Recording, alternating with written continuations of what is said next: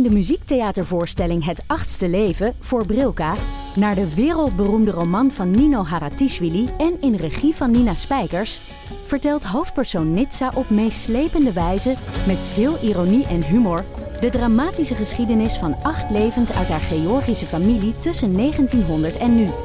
Een hartverscheurend en tegelijk troostrijk drama verteld vanuit het perspectief van vrouwen uit verschillende generaties. Waarbij het publiek meegenomen wordt op een emotionele, visuele en muzikale reis door de 20ste eeuw.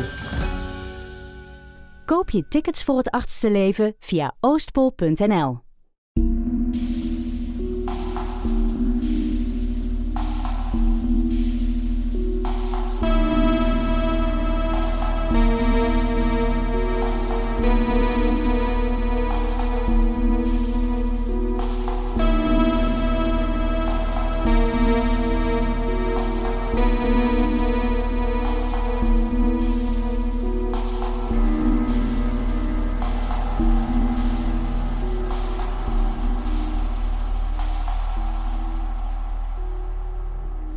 Welkom bij aflevering 59 van de Volksjury. Wij zijn Laura en Silke. Het is aflevering 59. Bijna 60. Ja, bijna 60. Goed, hè? Het gaat goed. Het gaat goed. Het is ook bijna onze verjaardag. Ja, ja, ja, inderdaad. 31 oktober. 31 oktober Yes. eh, is de dag dat wij onze eerste aflevering drie jaar geleden Ja, hebben gepost. Ja, schoon tijden. Goed, hè? Ja. Ik denk daar nog vaak aan terug. Ik ook, ik ook, ik ook, want ik, had, ik hield die, die avond een verjaardagsfeest van mezelf. Want ik ben ook Ja, jarig, inderdaad. ik ben ook jarig in oktober. Ehm, en ik dacht ook, ja, dat is goed, ik post die en dan moet ik er daarna niet meer aan naden- eh, over nadenken. Ehm, toen waren we zo Ah, ja. klein en waren er zo weinig luisteraars. Ehm, ja, heel fijn. Zie waar nu staan. Ja, ik vraag me af of er zo mensen zijn die er echt van in het begin bij waren. Die echt zo in 2017 zijn beginnen luisteren. Ik denk dat er wel een paar zijn, hoor. Ja, We krijgen toch zo wel Ja. aan- allee, vaak berichtjes van ja, ik was er al als eerste bij Ja. en zo. En dat is wel cool om te zien dat mensen wel zijn blijven plakken bij ons. ja, ja, ja, dat is waar. Dat is waar. Hoe is het verder nog met Hoe u? is het verder? Ik heb ehm, mijn eerste twee weken opnames overleefd. Heftig. Ja, het was heel heftig. We zijn begonnen met nachtopnames. Dus dat is echt zo... Uw werkdag Mm. begint om vier uur in de namiddag tot twee uur s'nachts. Ja, ik heb Ehm, ook wel eens een berichtje van u gekregen Ja, van ja, dat is goed, want dan kan ik uitslapen. Dus het is, het is heel heftig geweest. Ehm, ja, het is totaal iets anders. Eh, ik heb in het verleden al eh, filmopnames gedaan, Mhm. maar dit is de eerste filmopname dat ik doe sinds eh, corona. Dus Ja. dat is een hele filmploeg met een mondmasker, met uitzondering dan van de acteurs, enkel op het moment dat ze hun scène draaien. En staan Ehm, die dan ook op anderhalve meter afstand? Nee, nee, nee. dus die, die zijn eigenlijk...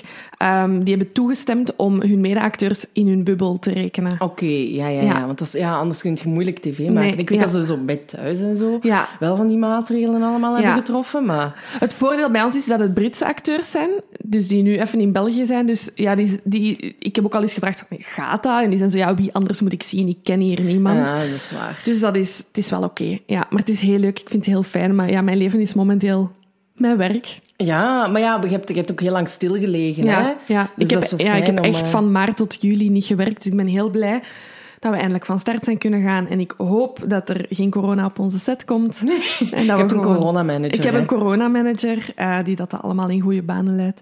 is goed. Dus ja, voilà. Ehm, daar nou aansluitend wil ik dus mij excuseren aan iedereen die sokken heeft besteld. Ehm, want die doos staat hier nog altijd. Het waren twee heftige weken voor mij en ik heb dus deze week echt nog niet de tijd gehad om de sokken te verzenden. En ik ga geen beloftes meer maken, maar ik hoop dat ik ze volgende week allemaal ehm, ga verzenden. We hebben ondertussen zo goed als alle betalingen binnengekregen. Ehm, ik denk van een vijftal mensen niet. Die heb ik dan ook laten weten dat hun bestelling geannuleerd wordt. Dat betekent ook dat er nog een deel sokken over zijn. Alright. Maar ehm, die zou ik eigenlijk op een speciaal moment willen verkopen. Oké. Want we hebben deze week, eh, volgende week onze eerste live show. Dus ehm, Ja. we hebben nog live shows dit jaar. Dus ik dacht ze misschien te bewaren Ah, dat is een goed idee. voor op de live show te verkopen. Dat mensen live sokken bij ons kunnen kopen. Moet je ook de verzendkosten niet betalen. Dat scheelt dan ook alweer Ja. iets. Ehm, moet ik minder sokken inpakken. Eh, dus er zijn er nog, eh, ja, ik denk een, een twintigtal paar over. Dus die kunnen we meepakken. De 24e naar Gent, voor de mensen die daar ehm, gelukkig kunnen bij zijn. Ja. En dan mag jij de twee volgende aankondigen. Wel, eh, de volgende is eh, op 11 december eh, in Kortrijk, in de Biep van Kortrijk. Ik weet niet van buiten hoeveel mensen er kunnen komen. ik dacht 50. Ik, dacht ook, ik denk ook 50 inderdaad. Ehm, we zullen sowieso de informatie ook allemaal delen eh, op Ja. onze, al onze kanalen. En de volgende die op de planning staat is op 20 maart Ja. in het jeugdhuis De Vonk in Geel. En daar zijn ongeveer 30 tickets Ja, voor voilà. beschikbaar. Van zodra dat de tickets te koop zijn. Ik geloof voor Kortrijk dat het evenement al openbaar staat op hun website, maar nog niet op de Facebook-kanalen. Maar wij gaan het dus, ja, nadat we deze aflevering hebben gepost, zeker delen. Kun je tickets kopen, kun je allemaal afzakken naar Kortrijk. En sokken kopen. en sokken kopen. Ehm, ja, en Van Kortrijk is wel heel leuk, want het is een, een soort van drieluik. Hè. Ja. Het is een, een misdaad drieluik. Er komt ook een, ehm, een misdaad auteur spreken. Ehm, niet op dezelfde dag als ons, maar het zijn dus drie dagen eigenlijk. Ehm, misdaad. eh, en wij sluiten dat drieluik Ja, af. leuk. Heel leuk, heel fijn. En aanvragen voor eh, andere evenementen mogen altijd komen. Er zijn er nog altijd een paar in de making, maar dat zal niet meer 2020 zijn. Nee, inderdaad. Nee, nee, nee. Voilà. Eh, verder ben ik ertoe verplicht om eh, deze fles te vermelden. Want ik had geen ehm, cava in huis en ik was net bij mijn ouders gaan eten. Mijn moeder heeft mij een fles champagne gegeven, maar ik moest uitdrukkelijk vermelden dat de fles champagne vandaag gesponsord is door mijn mama. Dank Als we u. nu zonder uw Ja. mama doen, dankjewel. Dank je. Dus voilà, nu gaat ze heel, heel, heel blij zijn. Ehm, ik heb nog een ehm, merkwaardige losse flodder opgesproken, eh, opges- opgesproken, opgeschreven. Deze week is Clara Maas eh, voor het Assisehof verschenen en veroordeeld tot eh, tien jaar cel voor doodslag op een vriendin van haar. Bijzonder is de leeftijd, want ze is de oudste vrouw eh, tot nog toe in België die veroordeeld is. Ze is 89 en het slachtoffer was 93. Ehm, en hoe dat ik het heb begrepen, is het eigenlijk wel een beetje een onopgeloste zaak, want er is geen rechtstreeks bewijs. Dus die vrouw is dood aangetroffen en er is wel DNA-materiaal van Clara dan gevonden. Mhm. Ehm, Clara erft ook dingen van de vrouw, dus het is wel zo Ja. wat sketchy, maar er is niet echt rechtstreeks bewijs. En het, het is heel raar. Er staan eh, op het internet ook wat beelden van in de rechtszaal. Ja, het is een heel oud vrouwtje met dan dat mondmasker aan en zo wat gebogen. Dat is dan ook nog, ja, ja, ja. Ja, dus het is eh, het heel bijzonder. Maar dus zij ze is ja, voor tien jaar cel veroordeeld. Maar het is nog niet zeker dat ze die gaat moeten uitzitten. Ik denk ook, dat haalt ze niet. Ehm, en ik denk ook, ja, dat zo een beetje in de aard van, ja, gaat die vrouw nog feiten plegen? Waarschijnlijk niet. Dat ze misschien niet in de gevangenis gaat eindigen. Nu ja, als haar vriendin heeft vermoord, heb ik zoiets van, ja, dan moet jij wel in de gevangenis. Ja, inderdaad, ze moet sowieso wel een, een, een straf krijgen, sowieso. ja, Hè? Ja, voilà. Ehm, maar dus zij ontkent alle feiten en ze zegt, ik heb helemaal geen reden om mijn 93-jarige Het is vriendin... wel interessant om ook eens een aflevering over te Ja, maken. Als er nog wat meer informatie over naar buiten komt en hoe en wat. Ja, inderdaad. Ja, zeker. Ja, de dus oudste eh, beschuldigde ooit voor Assise in België. Vond ik een interessante. Zeker. Wat had ik hier nog? Ja, ik heb aan Silke voorspeld dat ik van alles te zeggen had. Ja. Ehm, ja, laat u ik, doen. Ja, ik wou nog kort even ehm, eh, ook iets vermelden, eh, zonder slecht te willen spreken over de mensen eh, die, daar, die hierbij betrokken zijn. Ehm, maar ik ben deze week op mijn privé-telefoon gecontacteerd geweest door luisteraars, ehm, mensen die het zouden organiseren. Heel fijn. Maar ik schrok er wel van, ehm, enerzijds voor mezelf, hoe vlot dat jullie aan mijn privé-gsm-nummer zijn geraakt. En anderzijds dat daar, dat er heel luchtig werd over gedaan. Dus ik zou toch even iedereen willen benadrukken dat als jullie ons willen contacteren, we zijn heel actief op de sociale media. Ons mailadres staat overal heel We duidelijk. zien ook weer echt alles hoor, wat dat er verschijnt. Ja, dus we zien alles passeren. eh, soms eh, met een beetje delay. Eh, We hebben alle twee ook nog een, een, een ja, werkleven hier buiten eigenlijk. Maar please doe dat via die kanalen. Want ik was er echt van aangedaan dat ik echt in mijn privésfeer eh, ben gecontacteerd. Dus alsjeblieft zou ik willen verzoeken om dat niet meer te doen. Voilà. Maar ik ben niet boos, hè. Ik was gewoon heel hard geschrokken. Ik ben gewoon teleurgesteld. Nee, ook niet teleurgesteld, gewoon echt geschrokken. Ehm, maar goed, zand erover en dan laat ons hopen dat dat gewoon niet meer... Maar we, we, we hebben ook wel in... Allee, we gaan dat ook gewoon doen, hè. Ja, dat is ja, ja. heel leuk en zo, maar het is gewoon wel echt inderdaad even schrikken Ja. als het zo dichtbij Ja, komt. ja, ik heb het ook heel druk op het werk en ik stond op de set en dan krijg je die telefoon Ja. en dan kwam even allemaal... Ik, oh, wat? Ehm, voilà, maar dus dat wou ik gewoon even, even meedelen. Dat is oké, dat is oké. En dan dacht ik, is de planning van dit jaar nog eens te overlopen? Ja. Want ehm, ah, we hebben hier al zoveel over gesproken. Ehm, maar de Bende van Nijvel special komt Ja, het is daar, hoor, jongens. We zijn er. Ehm Silke en ik hebben nu... Ja, bijna anderhalf jaar onafgebroken sinds ik terug ben ehm, podcasts opgenomen. We hadden het plan om in de vakantie even een break te nemen. Ja, we gingen in de zomer een maand niet opnemen. Dat is er dan los niet van gekomen. Nee, nee, nee, nee. Ehm, dus we hebben voor onszelf beslist om in december geen afleveringen eh, op te nemen en te verspreiden. Ehm, om dan onze tijd te nemen om te researchen voor de band van Nijvel. Dus onze special komt er in januari aan. Eh, het zal een aantal afleveringen zijn. We weten nog niet hoeveel Drie, of hoe dat vijf, gaan dat moeten we, ja, dat moeten we Ja. allemaal nog eens bekijken. Ehm, maar dat betekent dat er na deze aflevering dus nog drie afleveringen verschijnen dit jaar. Ja. En dan ehm, in december gaan we dus even niks posten. Maar ja, we hebben ook, jullie hebben ook allemaal die acht maanden of wat was negen maanden Ja. overleefd van dat Laura er niet was. Dus dit zal wel nog meevallen hoor. Ja, voilà. Dus, eh, maar dan wouden we toch even meegeven dat er dus nu een startdatum is voor de Ja. Bende van Nijvel.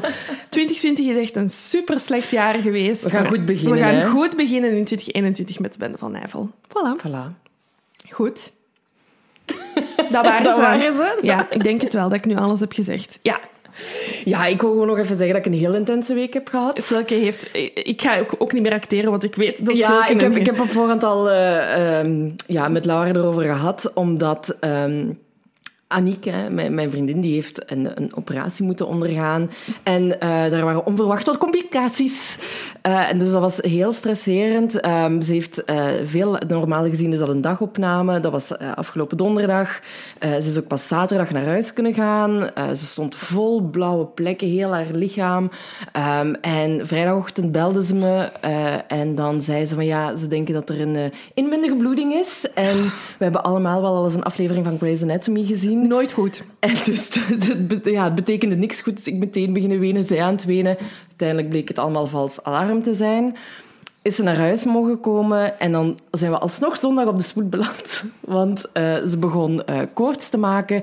En ja, wij hebben echt nul ervaring met ziekenhuizen of wat dat, dat allemaal betekent. Dus ja, ik naar dokters van Wacht gebeld, mijn ouders gecontacteerd van please, wat moeten wij doen? Ja, ja, ja. Eh, en die hebben dan toch gezegd van ja, ga maar naar het spoed. Ja, en je, je weet hoe dat, dat dan op het spoed gaat. En dat is ja, natuurlijk met alle goede van de wereld dat die dokters daar werken. en zo, maar dat duurt lang. Dat duurt zo heel, lang, ja. Heel lang. En Aniek had heel veel pijn. Hè. Die lag echt dood te gaan in die rolstoel die ik zo naar Oh. binnen bracht. Ehm, ja, uren gewacht op die dokter.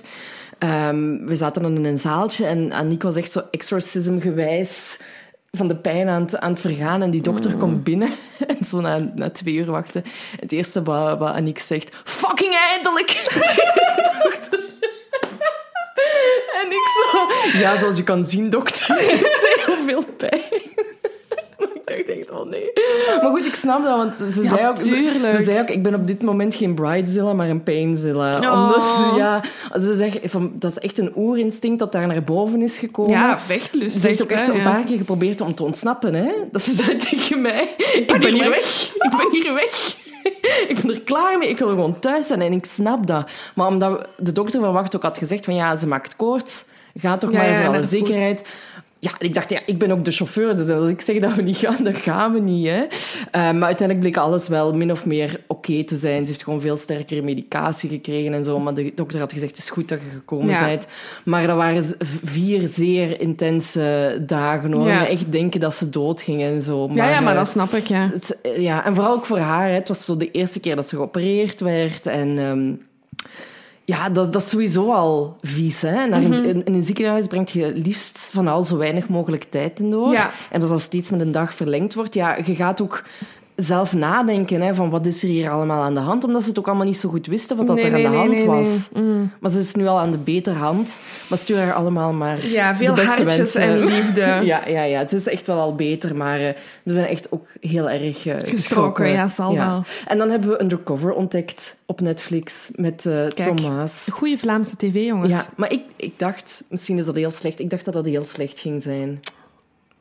Ik, ehm, ja, ik weet niet waarom, maar het sprak mij ook niet zo aan. Nee, oké. En dan heeft Netflix, allee, dit is echt geen, ehm, dit is geen eh, reclame of whatever, maar Nee. op Facebook word ik echt zo gebombardeerd met ehm, zo promo's van, Ja. van Undercover. En ik dacht, ah, ik, ga toch, allee, ik heb niks beters te doen nu, we zitten nu toch samen gewoon thuis te bekomen van alles Ja, wat er ja. gebeurd is. Ehm, en dan zijn we dat beginnen zien. Ik ben echt heel aangenaam verrast. Het eerste seizoen ben, ben je aan het kijken. ja, Ja, ja, ja.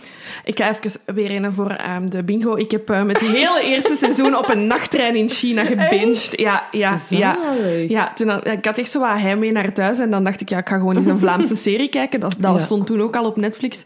En echt, ik zie me nog zo in, in zo een nachttrein in China. Dat zijn drie stapelbedden boven elkaar. Ik lag op dat bovenste bed tegen dat plafond met mijn gsm.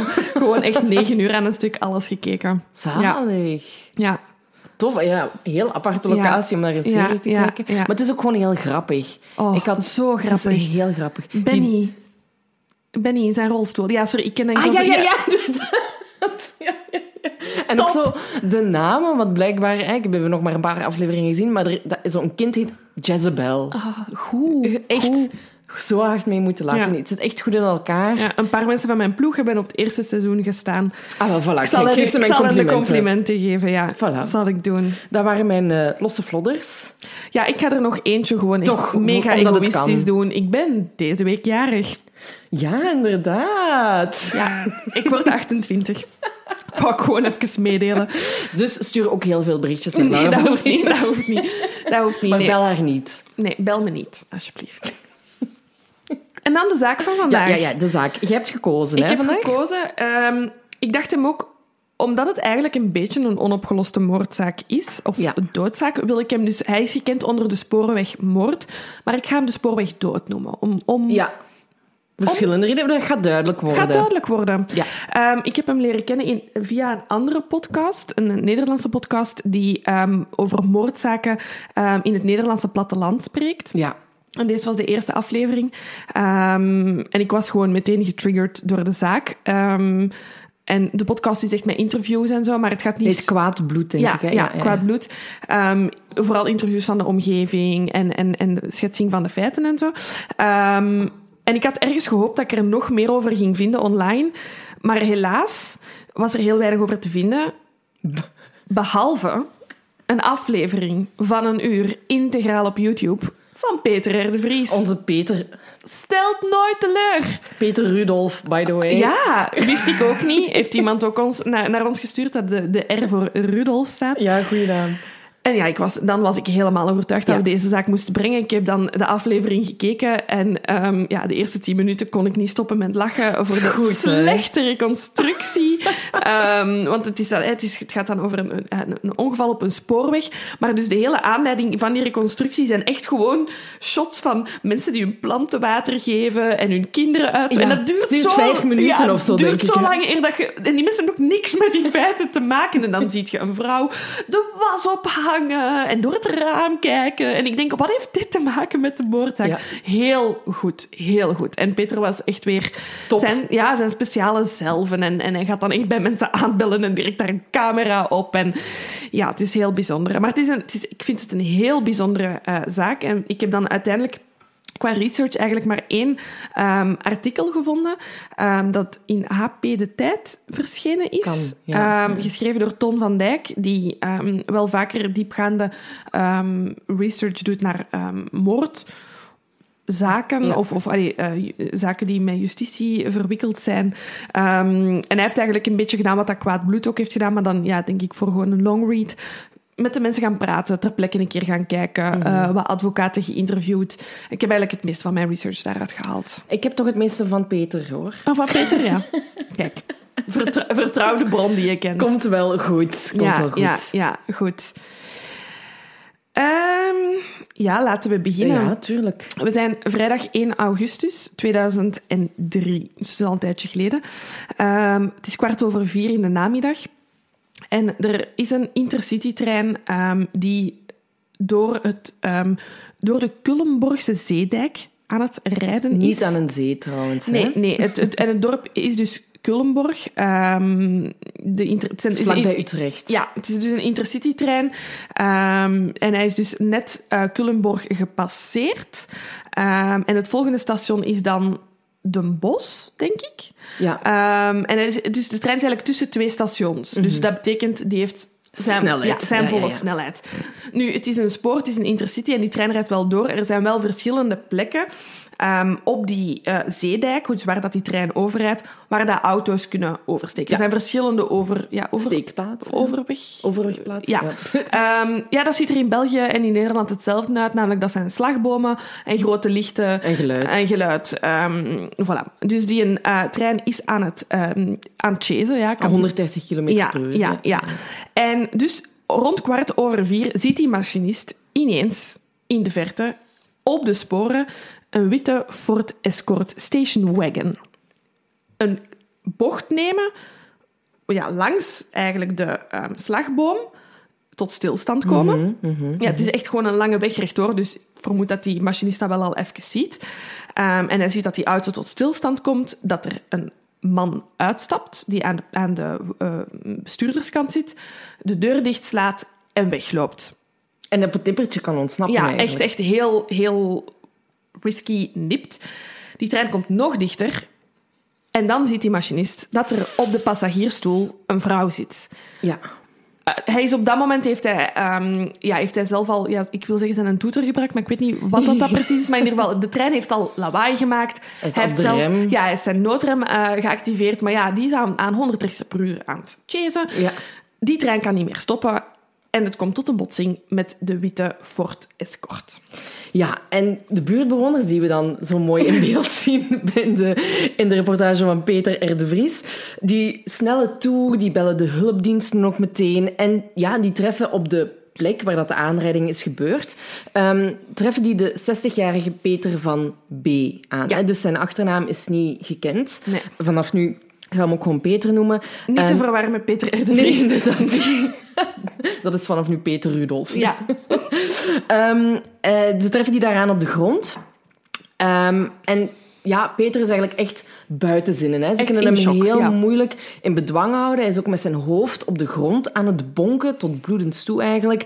Ehm, en getuigen ho- horen hem ook schreeuwen van eh, blackout, blackout. En ook van mijn vrouw, mijn dochter, mijn zoon, bel mijn zoon. En mijn god, versnelling, boom. En ook nog, ja sorry, ik vind het een Heel rare uitspraak. Heel rare uitspraak, inderdaad. En hij heeft dan ook nog gezegd, ehm, nu heb ik een duur badpak gekocht, zodat ze kon gaan zwemmen. En nu gaat het niet, niet meer, want ze is dood. Ehm, want wat blijkt, in die auto zat ook nog zijn vrouw, hè, Ja. waar- de- dus het, het, het slachtoffer, eh, de 59-jarige Paula. En zij is dus niet kunnen ontsnappen aan de klap. Nee. Ehm, en ook even ingaan op, de, op de, wie dat Paula en Peter ja, zijn. misschien moeten we dat doen. Misschien moeten we daarmee beginnen. Ja, ehm, Paula die werd eigenlijk op, op 1 juni 1944 geboren in Vleuten. Dat is een wijk in de stad Utrecht. Ehm, ze kwam eigenlijk uit een groot katholiek gezin, was eh, vrij religieus opgevoed en ook in haar latere leven nog eh, zeer religieus. Eh, ze kwam uit een gezin van vijf jongens en vijf meisjes en Paula was het negende kind. En ze werd eigenlijk beschouwd als het lievelingetje. Ze wordt ook omschreven als een, als een prachtige jonge vrouw die ook ehm, ja, muziek speelde, speelde gitaar en viool. Ehm, dus eigenlijk ging het leven wel goed voor haar. Ja. Ehm, en dan Peter van B, die geboren werd als Piet. Ik heb niet gevonden waarom dat hij zijn naam veranderd heeft Nee, naar weet ik ook Peter. niet. Nee. Eh, die werd dan weer geboren in 1942 in Amsterdam. Ehm, maar zijn gezin verhuist eigenlijk vrij snel dus naar Culemborg. Mhm. Hij gaat daar naar de lagere technische school, ehm, het LTS. Ik heb veel dingen moeten opzoeken Ja. voor deze aflevering. Veel dingen die ik nog niet kende uit Nederland. Ehm, maar hij zat daar al snel beu gezien in Culemborg. Ja. En hij beslist op zijn 15 om te gaan varen, om matroos te School worden. is niks voor hem. Kan Nee. Maar blijkbaar dat zeevaren ook niet, want op zijn 21ste heeft hij het daar ook gezien. Ehm, en hij besluit om terug aan wal te gaan. Eh, Ja. Hij gaat dan in Utrecht wonen, gaat naar de avondmulo, ook een term dat mij niet gekend Nee, was. nee, nee. Ik denk een soort van avondschool Ja. eh, voor volwassenen dan. Ja, ja. Ehm, en hij begint daar aan een laborantenopleiding, maar ook dat maakt hij niet af. Maar hij kan wel aan de slag gaan In een chemisch bedrijf. in een chemisch bedrijf, inderdaad. En het is ook in die avondmulo dat, dat Paula en Peter elkaar leren kennen. Ja. Ja, want eh, ja, ze houden van dezelfde muziek, ze hebben dezelfde interesses ehm, en ze worden dan ja, verliefd. En in 1968 hebben ze elkaar het ja-woord gegeven.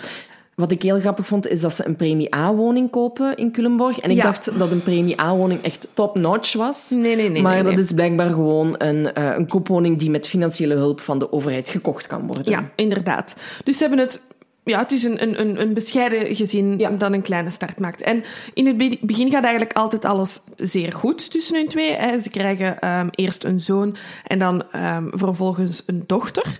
Ehm, en in die jonge jaren van die kinderen is er niks raars op te Nee. merken.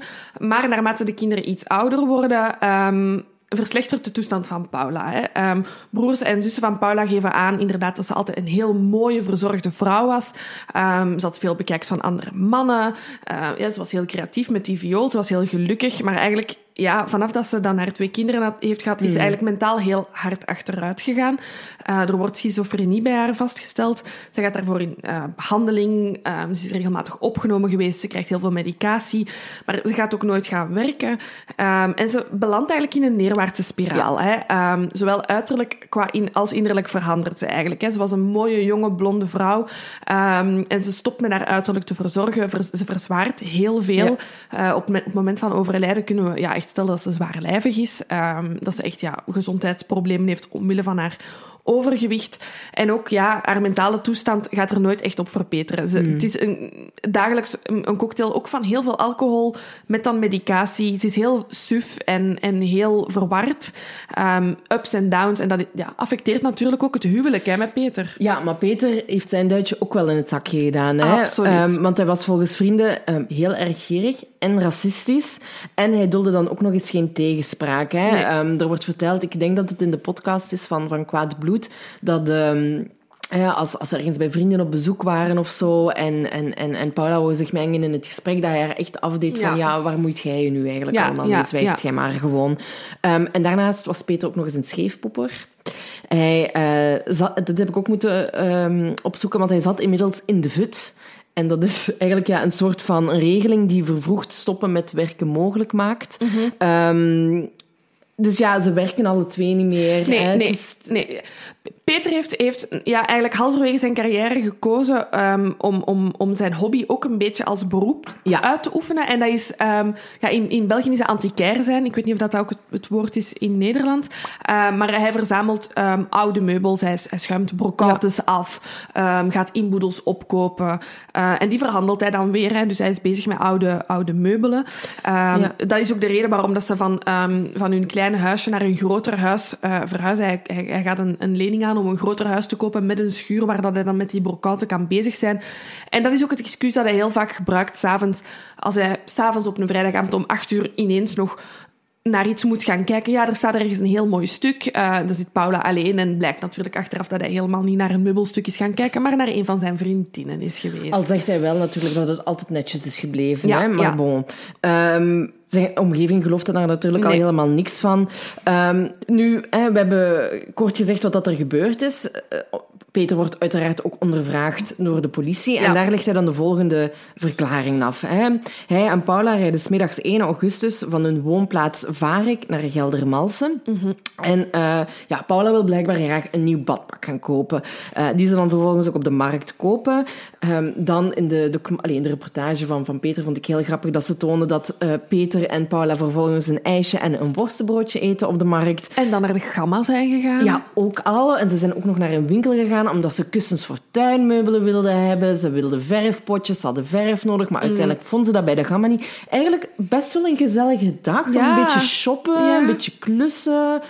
Prima, Nieuw badpak. Een nieuw badpak. Shine and bright in dat nieuw badpak. Zalig. Ja, klinkt als een fijne dag. Klinkt als een fijne dag hè? en er lijkt ook helemaal niks, eh, niks aan de hand. En ze hebben ook nog het plan om die dag een zieke vriendin te gaan bezoeken. hè? klopt. Dus ze hebben al een, een, een, een inkopen gedaan.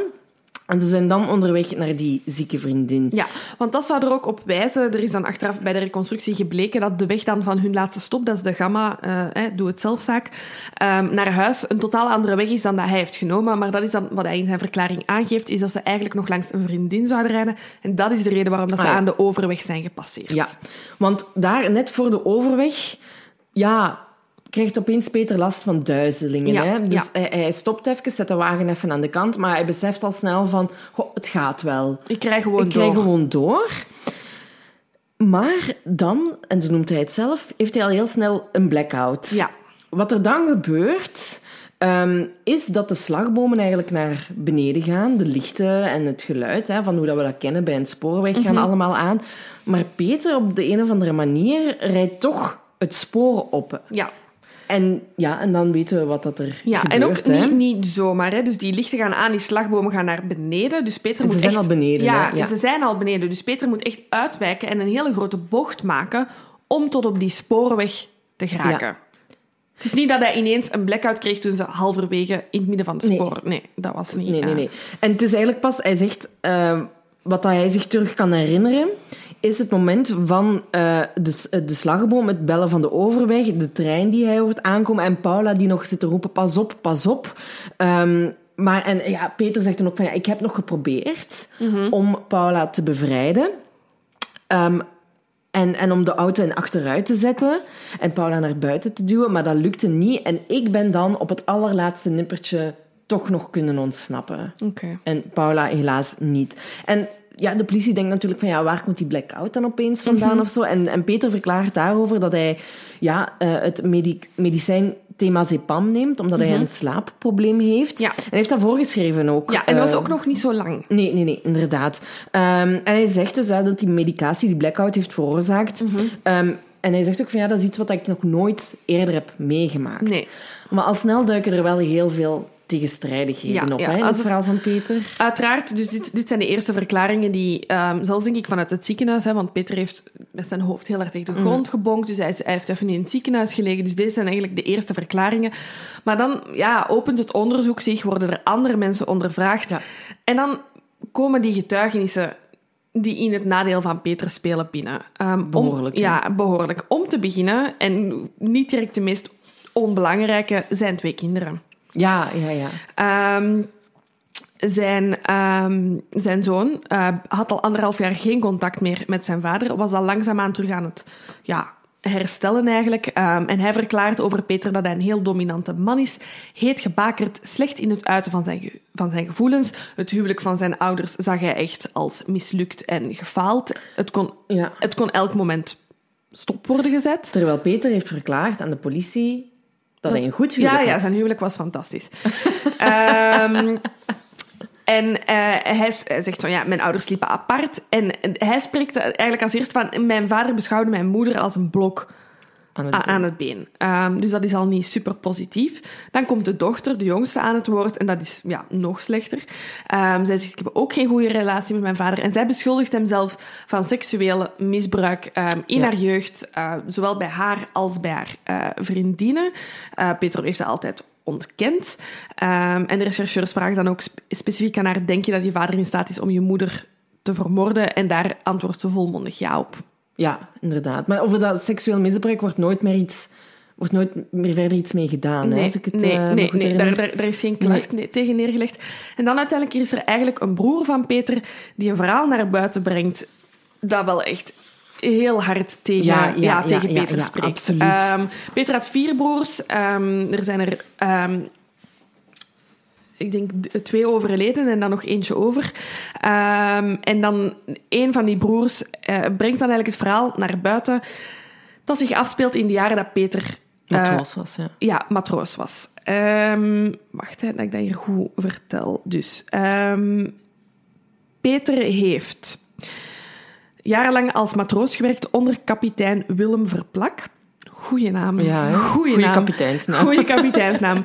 Ehm, en tijdens- het gaat over een reis naar Finland. Hè. Ehm, ze verschepen goederen en in de haven van Helsinki ehm, ontstaat er eigenlijk een conflict tussen Peter en de kapitein. Ehm, ja, sommige mensen zeggen dat het gaat over het feit dat het schip niet, ehm, niet voldoende onderhouden was door een ma- matroos.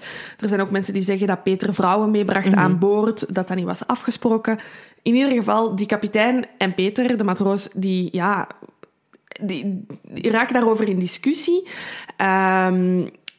En Peter heeft dan een mes gegrepen dat hij gevonden heeft op aan boord. En heeft in die ruzie de kapitein twee keer gestoken. En de kapitein is overleden aan die verwondingen. Ja, in de, in de reportage van, van Peter de Vries um, hè, zegt hij inderdaad van hij heeft één keer in de rug gestoken en daarbij is hij dodelijk uh, gewond geraakt aan ja. de long. En de tweede keer heeft hij de vingers afgesneden van de kapitein. Ja. Um, en wie dat er op dat moment ook nog in... Uh, ze zitten in de lounge van de boot, zegt de Peter. Lounge de lounge. Van de boot. Um, en ze proberen hem nog hè, met stoelen en al tegen te houden, maar ja, dat lukt natuurlijk niet. Um, Peter, hè, de, de verdachte, die die kan ontsnappen, maar de, de, de scheepskok die belt dan natuurlijk uiteraard de politie en de politie kan hem alsnog vatten. Uh, maar Peter is op dat moment 18 jaar. Mm -hmm. Dus ze hebben zoiets van, ja, hij, hij, moet voor de kinderrechter verschijnen. Blijkbaar is, is het daar toch net iets anders in, ja. in Helsinki. Um, en ja, wordt hij veroordeeld tot zes jaar uh, mm. gevangenisstraf, waar hij, waarvan hij dus ja, na een paar jaar alweer vrijkomt. Hè, want ja. we weten dat hij op zijn 21ste terug naar Utrecht uh, ja. is verhuisd. Ja, dus in een verhitte discussie heeft Peter al eerder iemand om het leven gebracht. Dat is een behoorlijk uh, opmerkelijk nieuwtje dat de politie uh, te weten komt natuurlijk. Ja, hè? Maar er zijn ook nog andere dingen uh, die ja, toch wel uh, tegen de zaak van Peter spreken. Hè? Ja. Um, er is sporenonderzoek gedaan aan de auto. En die vertelt eigenlijk een heel ander verhaal dan wat Peter aan de politie Ja, verklaard ja. heeft. Um, blijkbaar, de sleutel die in het, het contact zat, was één keer teruggedraaid. Hè? En daarmee wilt je, uh, ja, dan staat je auto eigenlijk uit. Hè? De motor Ja. staat niet aan. Nee. En blijkbaar stond ook de handrem op. Mhm. Dus Peter heeft die twee handelingen wellicht uitgevoerd, of hoogstwaarschijnlijk eigenlijk, want ze hebben ook onderzocht hoe beschadigd uh, de auto was. En het deel waar dat de handrem op zat, was Mhm. het minst beschadigd. Dus het kan niet zijn dat die handrem door de klap Is opgetrokken. is Nee. opgetrokken. Dus dat vermoeden ze dus eigenlijk dat Peter die handrem heeft Ja. aangetrokken, Ja. zodat die auto, omdat dat zo'n beetje op een helling Ja. is, hè, dat is al, vrijwel altijd bij zo'n spooroverweg, ehm, dat die auto er niet terug af zou bollen. Heeft hij hem daarom in, in de handrem opgezet. En de sleutel zou hem teruggedraaid hebben, zodat ehm, Paula niet de versnellingspook in één zou kunnen zetten, waardoor dat de auto Ja, automatisch in gang. zou kunnen Ja. komen. Ja. inderdaad. Ehm, en dan ehm, wil ik het toch nog even hebben over die blackout. Ja, het is, een, het is een heel bijzonder gegeven, de blackout. De blackout. Er wordt ook heel veel onderzoek naar gevoerd tijdens deze zaak. Mhm. Ehm, want meteen het besef dat de politie heeft van... hoe kan het dat iemand die, die een blackout krijgt... niet wakker worden door alle signalen Ja. die het spoor u geeft, Ja. daar niet van wakker worden. Je hebt de, de lichten, je hebt de bel, je hebt de slagbomen. Die, die bel en die, en die lichten gingen al 14 seconden hè, Mhm. voordat Peter uiteindelijk de, de sporen is opgereden. Zelfs, ze zijn van mening dat als iemand met een blackout Ja, daar al op voorhand van wakker zou worden. Ja, nee, ik wou gewoon even zeggen dat er, ehm, dat er tijdens het, het, eh, het onderzoek en, en het proces er enorm veel neuropsychologen Ja. eh, en psychiaters op deze zaak ehm, zijn gezet. En inderdaad, een van die neuropsychologen geeft aan, je mocht nog zo van de wereld zijn, in een blackout verkeren of onder invloed zijn. Ja. Ehm, de handelingen die jij uitvoert, namelijk autorijden, dat is aangeleerd gedrag. Ehm, dat zijn dingen die je automatisch doet. En als dat wordt onderbroken door signalen als geluid en licht, zou je zelfs in een blackout of in een trip of in een psychose nog altijd naar behoren handelen. Omdat dat autorijden is, is iets, eenmaal dat je dat hebt geleerd, dat is iets geconditioneerd, dat is een actie die je blijft Ja. doen. Dus zelfs in een blackout zou je de reflex moeten hebben om ofwel te stoppen ofwel hard door te rijden. Ja, inderdaad. Ehm, zou je lichaam echt in een soort van overlevingsmechaniek komen en ook weten hoe al die handelingen werken om het te kunnen overleven. Ja. Dus zij hebben eerder zoiets van het feit dat hij dit allemaal toeschrijft aan een blackout toont aan hoe beredeneerd en bedacht dit is. Ja, want er zijn ook nog... er Zijn, zijn verklaring hangen met haken en ogen vast. Ja. Hè? Want hij zegt ook van ja, het is die temazepam dat dat Mhm. het veroorzaakt heeft. En deskundigen zeggen van ja, dat kan niet. Want je neemt dat voordat je gaat slapen. En tegen, hè, wanneer was het ongeval? Om kwart... allee, Of hè, de dood. Om, om kwart voor vier. Dan is dat al lang Ja. uitgewerkt. En van één pilletje of twee pilletjes Nee, het is ook, krijg je dan niet. het is ook een medicatie dat inderdaad wel bijwerkingen heeft, maar waar dat in de bijsluiter ook staat dat je nog mocht autorijden. Ja, Het is geen medicatie waarbij wordt aangegeven als je dit gebruikt, mocht je niet meer met de auto rijden. Ja. Dus daar spreekt hem ook natuurlijk een beetje tegen. Absoluut. En dan, hij, hij brengt zichzelf ook gewoon in moeilijkheden. Hè? Want hij verklaart eerst, hè, in zijn eerste verklaring zegt hij van, ik heb dit nog nooit gehad. Dan zegt hij later ehm, dat hij er al enkele maanden last van heeft. En dan nog een tijdje later zegt hij dat hij al 25 jaar blackouts had. Terwijl niemand daar iets van wist. Nee. Zelfs zijn huisdokter niet. Nee, ze zijn inderdaad naar zijn huidige huisarts geweest, naar zijn vorige huisarts. Ja. En geen van beiden heeft daar ooit melding van gemaakt. Enkel zijn dochter zegt dat hij twee weken voor het ongeval ehm, bij haar is een keer ehm, op de zetel plat is gaan liggen omdat hij last had van duizelingen. Maar dat is de enige Ja. en één eerste keer dat zij daar weet van heeft. Ja, dus de politie gelooft er ook inderdaad niet veel van. Nee. Dus zoals jij zegt, ze laten Peter onderzoeken ehm, door een neuroloog en een psychoneuroloog. En dat is dan ook mooi gereenact in de reportage van Peter. Hij moet, Peter moet een sim, Sims-test maken. Dat is een... eh, Ik wist niet wat de Sims-test was, maar I love it. Goed, hè? Een goede hè? test. Ja, moeten we even goed uitleggen. Dus dat is een test en daar staan allemaal symptomen op. Ja, dus vijf, een, lijst eigenlijk van 75 stellingen. Ja, hè, en, en er staan heel rare klachten op. Hè. En het is dan om te zien of dat de, de, de verdachte de juiste symptomen aan zijn stoornis koppelt. Ja, dus het is eigenlijk om, om, om te, te kijken of iemand ehm, door ehm, waar of onwaar, of ja, dat denk ik wel, ja, dat denk ik niet, zijn eigen ziekte eigenlijk kan detecteren. Het is eigenlijk een soort van zelftest tot...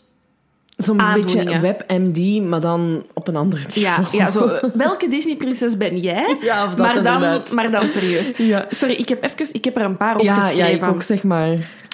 Bijvoorbeeld, de stelling is: kaarsen zijn gemaakt van kaarsvet. Ja. Goud en zilver zijn twee metalen. Mhm. Ik heb gemerkt dat mijn schaduw wild beweegt, ook al ben ik stil. Dat is al wat raarder. Ik geloof dat de regering camera's in de stoplichten heeft geïnstalleerd om mij in de gaten te houden. Nu begint iedereen zo te flashen die luistert Ah. Ik geloof dat de gedachten van andere mensen zichtbaar zijn als je maar hard genoeg je best doet. En dan de laatste vind ik. Nee, ik heb er nog twee. Ehm, als ik stemmen hoor, dan is het alsof tanden mijn mond verlaten. Huh? Heel raar. En dan, ik geloof niet dat telefoonnummers toevallig zijn. Ze willen ons iets zeggen over de plannen die God met ons heeft. Oké. Maar dat, dat, dat staat er dus effectief allemaal Ja, op. dus er zijn 75 vragen ehm, die je dan moet beantwoorden. En gemiddeld zeggen ze dat als je 17, denk ik, 20 of zoiets. Ja, dus eh, oh ja, rond, de, rond de 20 vragen ehm, ja, aankruist. Ja, abno- allee, anders dan anderen. Ehm, Dan spreek je de waarheid. ja, dan spreekt je de waarheid. Maar bij Peter is dus het geval dat hij er 33 aanduidt. Wat voor die neurologen betekent dat hij zijn ehm, aandoening overdrijft. Ja, inderdaad. Hij wil En- eigenlijk gewoon heel erg aantonen. Ja. zijn ziekte. Ja, Ja. ja, ja, inderdaad. Ehm, en dan moet Peter ook nog een geheugentest ondergaan. Mhm. Maar daaruit blijkt ook dat hij dan weer niet de juiste dingen vergeet. Nee. Voor iemand die aan geheugenverlies lijdt of iemand die een blackout heeft eh, gehad. Hè, want van een blackout kun je in principe niks herinneren. Dus ook niet dat je een blackout hebt gehad. Nee. Ehm, dus stellen ze van ja, die blackout van Peter, ja, die is gewoon echt zeer, zeer onwaarschijnlijk. Maar het wordt ook niet uitgesloten. Want zo zegt ehm, de. Oei, oei, mijn papieren zitten hier een beetje door elkaar. Even kijken. Hmm. Ik ben het even kwijt, mijn pap. Ah, hier, nee, ik heb het. Eh, sorry. de, de, de, de onderzoeker die zegt van ja, dit alles tezamen, stress, slaaptekort, hoog temazepamgebruik, kan ertoe leiden dat de betrokkene plotseling optredende duizelingen ervaart of overmand wordt door een slaaptoestand die hij waarschijnlijk duidt als blackout. Dus uit die test komt ook niet 100% naar voren dat die blackout niet, allee, dat dat Nee. fake zou zijn Nee, geweest. nee, Dus ja, ze staan nog niet echt nee, ergens. nee, hè? Maar ze hebben ondertussen wel een motief. Ja, dat wou ik wou zeggen, zullen we eens polsen naar een motief? Ongelooflijk, ongelooflijk. Ja, er is, want er wordt inderdaad lang gezocht naar een motief, maar heel lang moeten ze niet zoeken. Ehm, ja, je hebt het daar straks al kort aangehaald. Hè. Ze zijn gestart als een zeer bescheiden eh, gezinnetje met niet al te veel geld. En dat blijkt dat dat altijd zo uh, gebleven Ja. is eigenlijk. Hè. Peter is ehm, gekend onder zijn vrienden, vijanden en familie als een gierig persoon. Ehm, maar eigenlijk ja, een- paar jaar voor de moord heeft hij zich dan echt toegespitst op dat antiquair leven. En vindt hij dat ze een, in een nieuwe woning moeten gaan wonen. Dus een woning die eh 330.000 euro kost.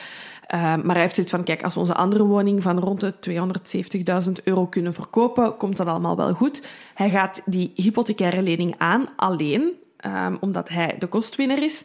Ehm, ze verhuizen naar die nieuwe woning, maar ze slagen er eigenlijk niet in om hun oude woning te verkopen. Oh, drama. Ja, dus op het moment dat Paula overleden is, zitten ze met een hypotheekschuld van 476.470 euro.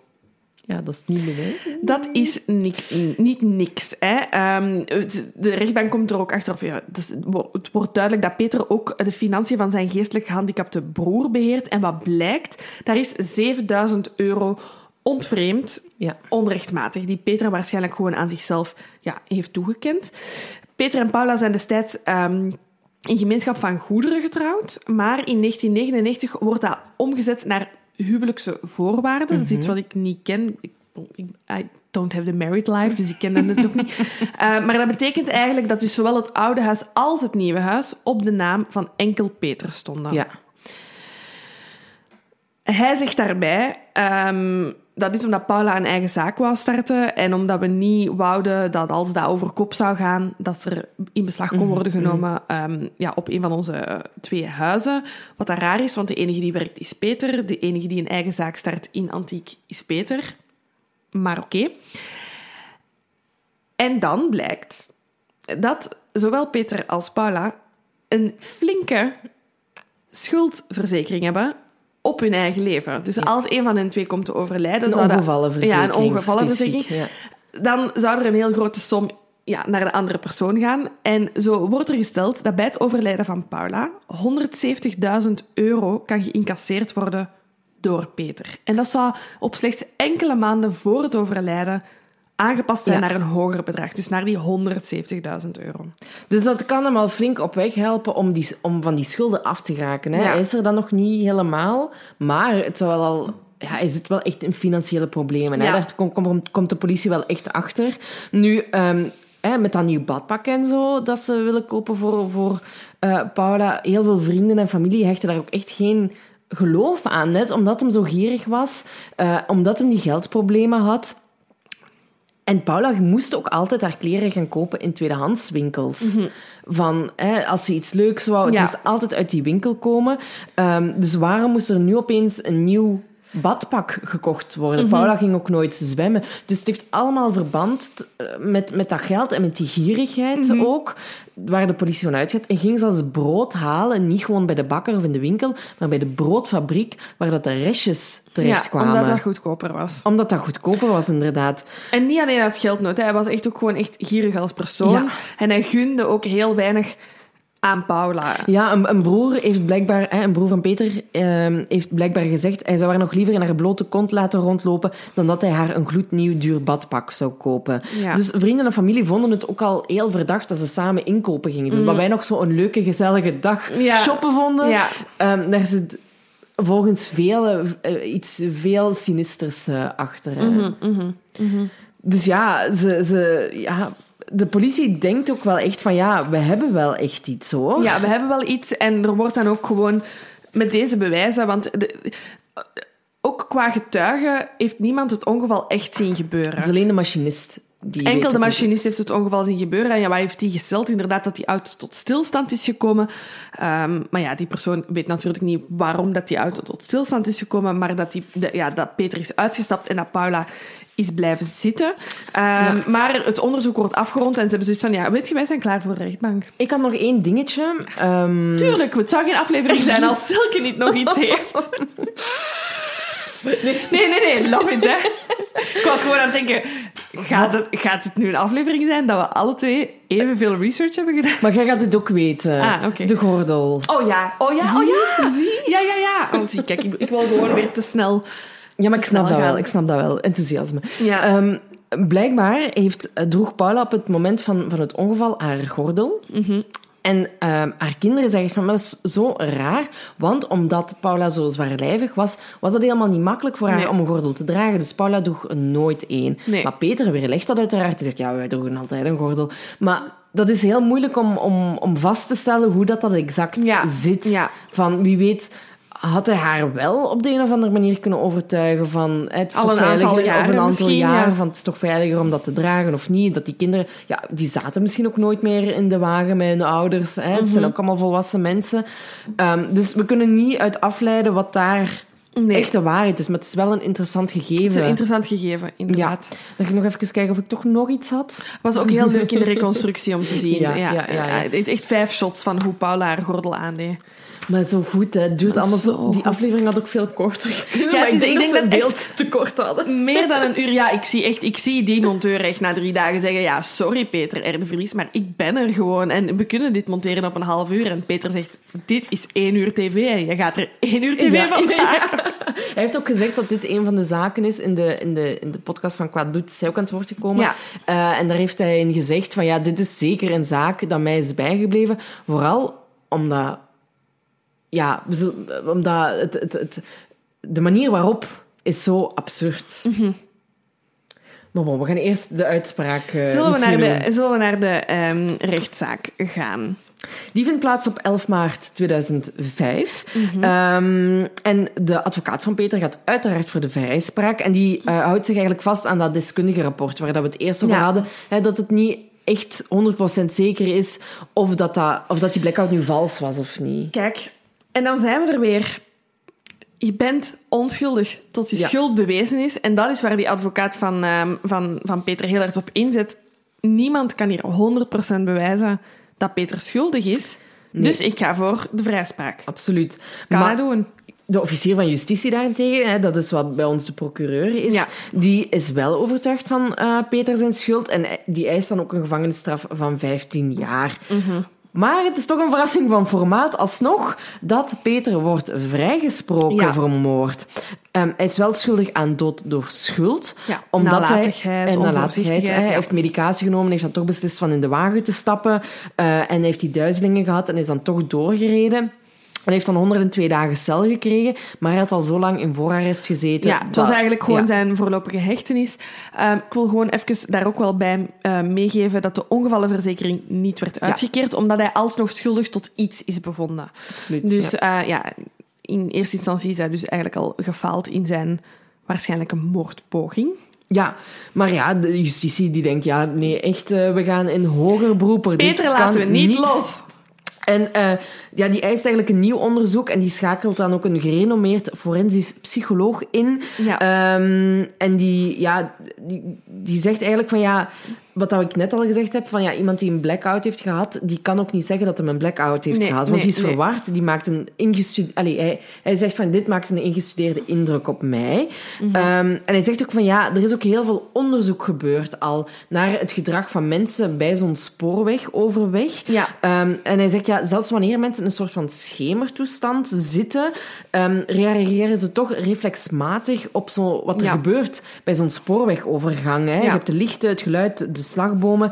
Zelfs als iemand in een hypnotische toestand is, Ja. reageert die daarop. Hè. Dus ehm, iemand met een blackout zou- dus wat jij ook al zei, nooit zo gecoördineerd eh, gedrag vertonen. Nee, nee, inderdaad. En ja, ik, ik had hier nog een hele leuke quote ehm, van de neuropsycholoog die trouwens Merkelbach heet. Ehm, als Van B regelmatig last had van blackouts en duizelingen, waarom reed hij dan nog met de auto? Als je allergisch bent voor garnalen, Ja. dan eet je die toch ook niet meer? En ik dacht, nee, dat is waar. Dat is helemaal waar.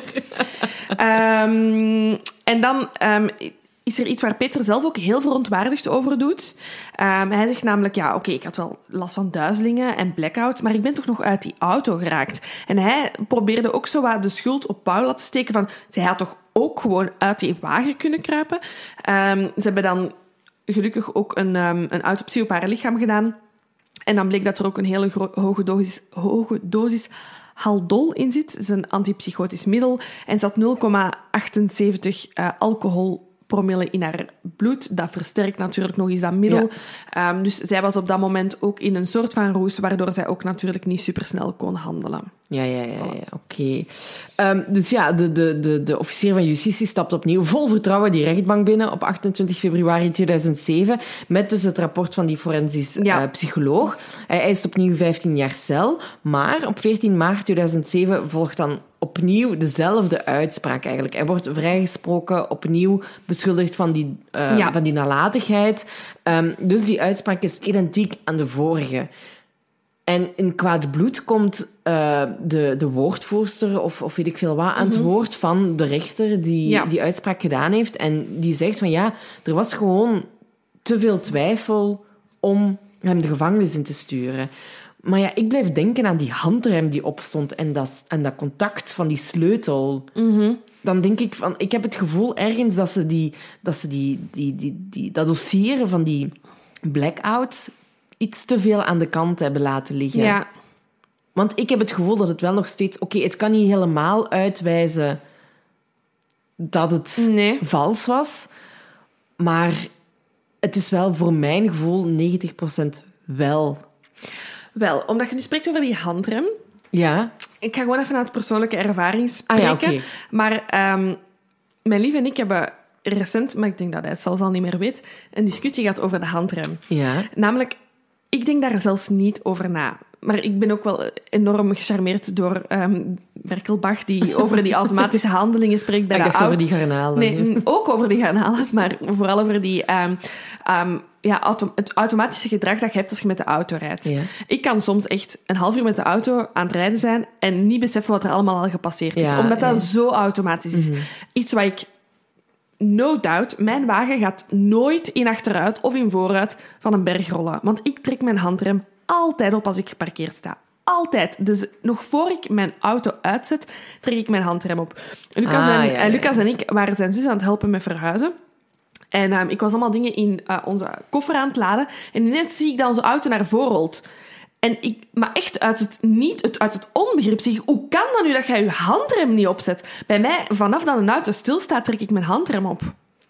Ja, ik vind Dus- dat ook wel eens hoor. Ja, dus voor mij is dat, past dat in zo dat...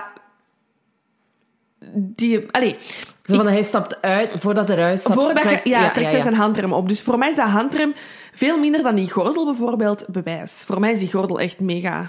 Ja, of, of, of, of, of, misschien dat hij inderdaad dacht van... Ik zet nu de auto stil, zodat iedereen kan uitstappen. Nu, voor alle duidelijkheid, ik geloof 100% zeker dat hij zijn vrouw Ja, heeft vermoord. toch? Ja, dat wel. oké. Maar ik geloof gewoon niet... Ik kan gewoon de handrem wel verklaren. En hoe zuur dat dat ook is, er is gewoon te weinig bewijs. Er zijn geen getuigen. Mm. Het feit dat hij is vrijgesproken vind ik niet super raar. Vind je het dan de perfecte moord? Ik moet wel zeggen, na deze aflevering dacht ik... Het is wel goed gevonden. Het is wel echt goed gevonden. Gewoon, het is zo absurd. Ja. Het is zo absurd dat je iemand doet sterven onder, onder de sporen. Dat is echt het laatste aan wat dat je denkt. En het is, het is dat wat Peter ook zegt. Daarom is dit mij zo bijgebleven, omdat er een trein... Want hij is er ook rotsvast van overtuigd dat dit een moord was. Dat een trein als moordwapen is gebruikt. Dat heb je toch nog nooit eerder nog gezien? nooit gebeurd. Een moordwapen is een trein. Ja. En, en ja, er zijn ook mensen die zeggen dat ze hem twee weken... eh, dat ze Peter, de dader, dus niet Peter R. de dader twee weken voordien op het exact dezelfde tijdstip op die Ja. overweg hebben zien fietsen. Is dat om te timen wanneer die trein komt? Want het is wel echt... Ik bedoel, hij is daar opgereden en één seconde later... Of ja, bij wijze van spreken, één seconde later stond die trein daar. Ja. Dus het is wel echt miniem getimed. ja, en ik denk dat hem daarom ook dan eerst geveinsd heeft dat hem die duizelingen hadden om te zien... Is de trein daar? Of heeft hij misschien vertraging? Want dat kan zomaar zijn met de NS en de MB Ja, en de dat, niet alleen. En ook gewoon, die zijn een hele dag op uitstap geweest. Hè. Dus Ja. je moet echt toch... Al die winkelbezoeken ervoor moeten bijna getimed zijn. Ja, of je weet van ieder half uur passeert hij zo laat. Of, Ja, of, ja, ja. Maar ik vind, gewoon, ik vind gewoon echt crazy de timing. de timing, hè. Dit zou zo waar een thriller op vrijdagavond op tv kunnen zijn. Inderdaad. Ja, met dezelfde reenactment als in de reportage. Zeker. Graag, alsjeblieft. Ja. Nee, ik vind het, ik vind het een, een heel bijzondere zaak. Ehm, ja, dus eh, Peter is twee keer voor de rechtbank verschenen, maar is dus eh, ja, op, op vrije voeten. Ehm, voor de mensen die nog willen kijken naar de reportage van Peter R. de Vries, uiteraard weet Peter waar hij woont en gaat hij schaamteloos, schaamteloos aanbellen aan die deur. Ehm, doet het, de dader of slachtoffer, Verdachte. ja, verdachte, eh, Peter ehm, de deur open en Peter begint direct tegen hem te spreken van Wat is het, hè? Reactie? ja, wil je een reactie geven? Ehm, en blijkbaar heeft dus ja, eh, Ton van Dijk, die dat dit, ehm, deze longread ook heeft geschreven, heeft ook contact opgenomen. Kwaad bloed ook. Hij Ja. heeft ook geprobeerd. ja, Ja. ja, maar hij wil er natuurlijk niks meer over zeggen. Hij woont wel samen met een vriendin. Ja. Ehm, hier zijn ook de zoon en de dochter gecontacteerd geweest. Die hebben maar kort gereageerd. De machinist is ook gecontacteerd. Ehm, Dat is wel echt een tra- trauma for life, hoor. Ja. Wat, wat bij mij opviel, ehm, of wat dat ik shockend vond, was dat dat niet zijn eerste dodelijk ongeval was met de trein. mm. ik, volgens mij gebeurt er echt veel meer dan je denkt. Ik ben zelf iemand verloren die als een accident onder de trein is eh, terechtgekomen. Dus ja, ik, in mijn hoofd is dat echt niet zo, Niet zo abnormaal. niet zo abnormaal. Mm. Ik heb ook al ik heb lang de trein genomen naar het werk en zo. Hoe vaker over een menselijk allee, of een personenongeval werd gesproken, gebeurt Ja, wel veel. gebeurt- ja, ik had het eh, vrijdag nog. Ah, kijk, voilà. Ja. Huh, echt? Naar waar? Naar Gent. Echt waar. Deze week een collega van mij hetzelfde van Gent naar Brussel en mijn Peter van Oostende naar Brussel. Deze week? Ah ja, bij bij mij was het, eh, was het omgekeerd. Ja. Dus hè, van, van, van ja, Antwerpen naar maar dat is dan ja. toch... Ah ja, misschien kan dat wel alle drie hetzelfde ongeval geweest zijn. Ja, dat kan wel. Ja, heel heftig hè, natuurlijk. Ja, je hoort het heel vaak, hè. Maar eh, Ja, en je hoort ook zo vaak spoorlopers. En het lijkt mij de meest gruwelijke dood. ja. Ja, ja, ik wil ook trouwens zeggen, omdat het dan weer natuurlijk over zelfdoding gaat, hè, dat eh, als, als er Ja. iemand problemen heeft, natuurlijk neem contact op met de bevoegde instanties.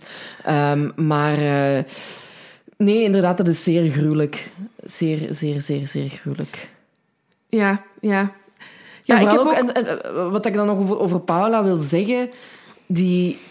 Want ik ben er ook van overtuigd dat, dat het een moord was. Maar wat, wat, zou- wat zouden haar laatste gedachten geweest zijn? Want wij weten ook niet wat de gesprekken zijn geweest in die wagen. Nee, nee, nee. Heeft Peter iets gezegd van... En nu is het zover Ja. en nu ga je Is dood. er een en, ruzie eh, geweest die dag? Ja, want in de reenactment was alles in orde. Het is wel echt... Please, echt, kijk, kijk zeker een kwartier van de... Ja, van het de is echt goed. Het is, het is, een, eh, het is tv uit 2007. Het is ook nog zo vier over drie met zo... eh, ja, Ja, ja, echt zo de zwarte balkjes. Ehm, dit is ooit primetime Nederlandse tv 2007, geweest, ja. Ook zo, ik vond het ook heel goed dat in die reenactment er ook zo een aantal mensen waren die zo rookten en zo. Dat ziet je nu ook niet meer Allemaal zo anders. Nee, inderdaad. Ja, heel maf. Heel raar. Nee, maar goed, goed. ehm, Vond je het een leuke, een leuke zaak om ik te vond het een heel leuke, interessante zaak. Ja, ik had er nog niet van gehoord. Nee, ik heb, als Kwaad Bloed het niet had gebracht, had ik het niet geweten. Nee, nee, nee. Nee, voilà. Ik, heb ook nog, ik had ook nog nooit naar Kwaad Bloed geluisterd. Ehm, ik, ja, ik heb er drie, vier afleveringen van geluisterd en ik vond het heel fascinerend. Ehm, maar dat is dan weer ik als Belg, maar ik versta het gewoon soms echt niet. Nee, nee, nee, dat snap ik. Ik heb, zoals ik die vijf jaar in Nederland Ja. heb gewoond, heb nu soms nog terug moeite. Zoals bijvoorbeeld ehm, hè, met Undercover. Dat Ja. wordt ook Nederlands. Hè, dat ik denk, maar wat zeggen die nu allemaal? Ja. En ook, ook inderdaad met Kwaad Bloed. Dat ik af en toe echt even moest terugspoelen van... Wat wordt er hier nu exact ja. gezegd? Ja. ik luister eh, veel podcasts in de wagen of als ik aan het joggen ben. En dat is Ah, ja. gewoon... Dan zet je niet zo alert om terug te spoelen en dan geraakt je er gewoon heel snel uit. Ja. Maar ik, vond, ik vind het een supergoed concept. Hè? Dus dat is een vrouw die van, van de drukke stad verhuist naar het platteland en dan zo wat begint uit te zoeken wat voor moordzaken er bij haar hè? in de buurt zijn gebeurd. Ik vond het heel, Ja. heel leuk. Ik vond het ook een heel leuke aflevering dat ze gemaakt hadden. Ja, heel boeiend. Het was ja. heel boeiend. Heel interessant. En inderdaad misschien wel de perfecte moord hè, op de spoorweg. Ja, het is daarmee. Hè. Ja, ja. Ik, had, ik heb het ook echt getiteld. En zoals Peter het ook getiteld Ja. heeft, Peter Edervries, de perfecte moord. Voilà. Kijk, Dat was hem weer. dat was hem weer. Ik hoop dat jullie er heel erg van genoten hebben. Ja, Ehm, ik wel. alleszins. Ik wel, alleszins. Ehm, ja, en dus nu nog drie afleveringen dit jaar. Zo raar. Ja, ik ben echt nu al ook weer... Ik ben zenuwachtig voor de live shows. Ik ben zenuwachtig voor de Bende van Nijvel. Oh, ik ben want zo zenuwachtig voor die live shows. Ik, ik weet ook bij de Bende van Nijvel gewoon niet waar dat ik moet beginnen met mijn research. Dat gaat ook weer zo een... een, een, een, een waterval aan informatie zijn dat op mij gaat Ja, neerkomen. ja. Maar we gaan, het, eh, we gaan het uitzoeken. Ja. Ik, heb, ik, ik heb de indruk dat jij toch wel enige expertise Ja, hebt. ik, heb hè? gewoon, ik, le- ik lees er heel veel over. Ik vind, ik, voor mij is het echt mijn favoriete Belgische unsolved mystery, zal ik maar zeggen. Ja. Ehm, ah, en ik wou ook gewoon nog even een oproep doen. Mensen die, ehm, want dat gebeurt heel vaak als we Belgische zaken hebben, die iets persoonlijk hebben over de bende van Nijvel. Ik denk dat dat moeilijk voor ons gaat zijn om dat te betrekken bij de...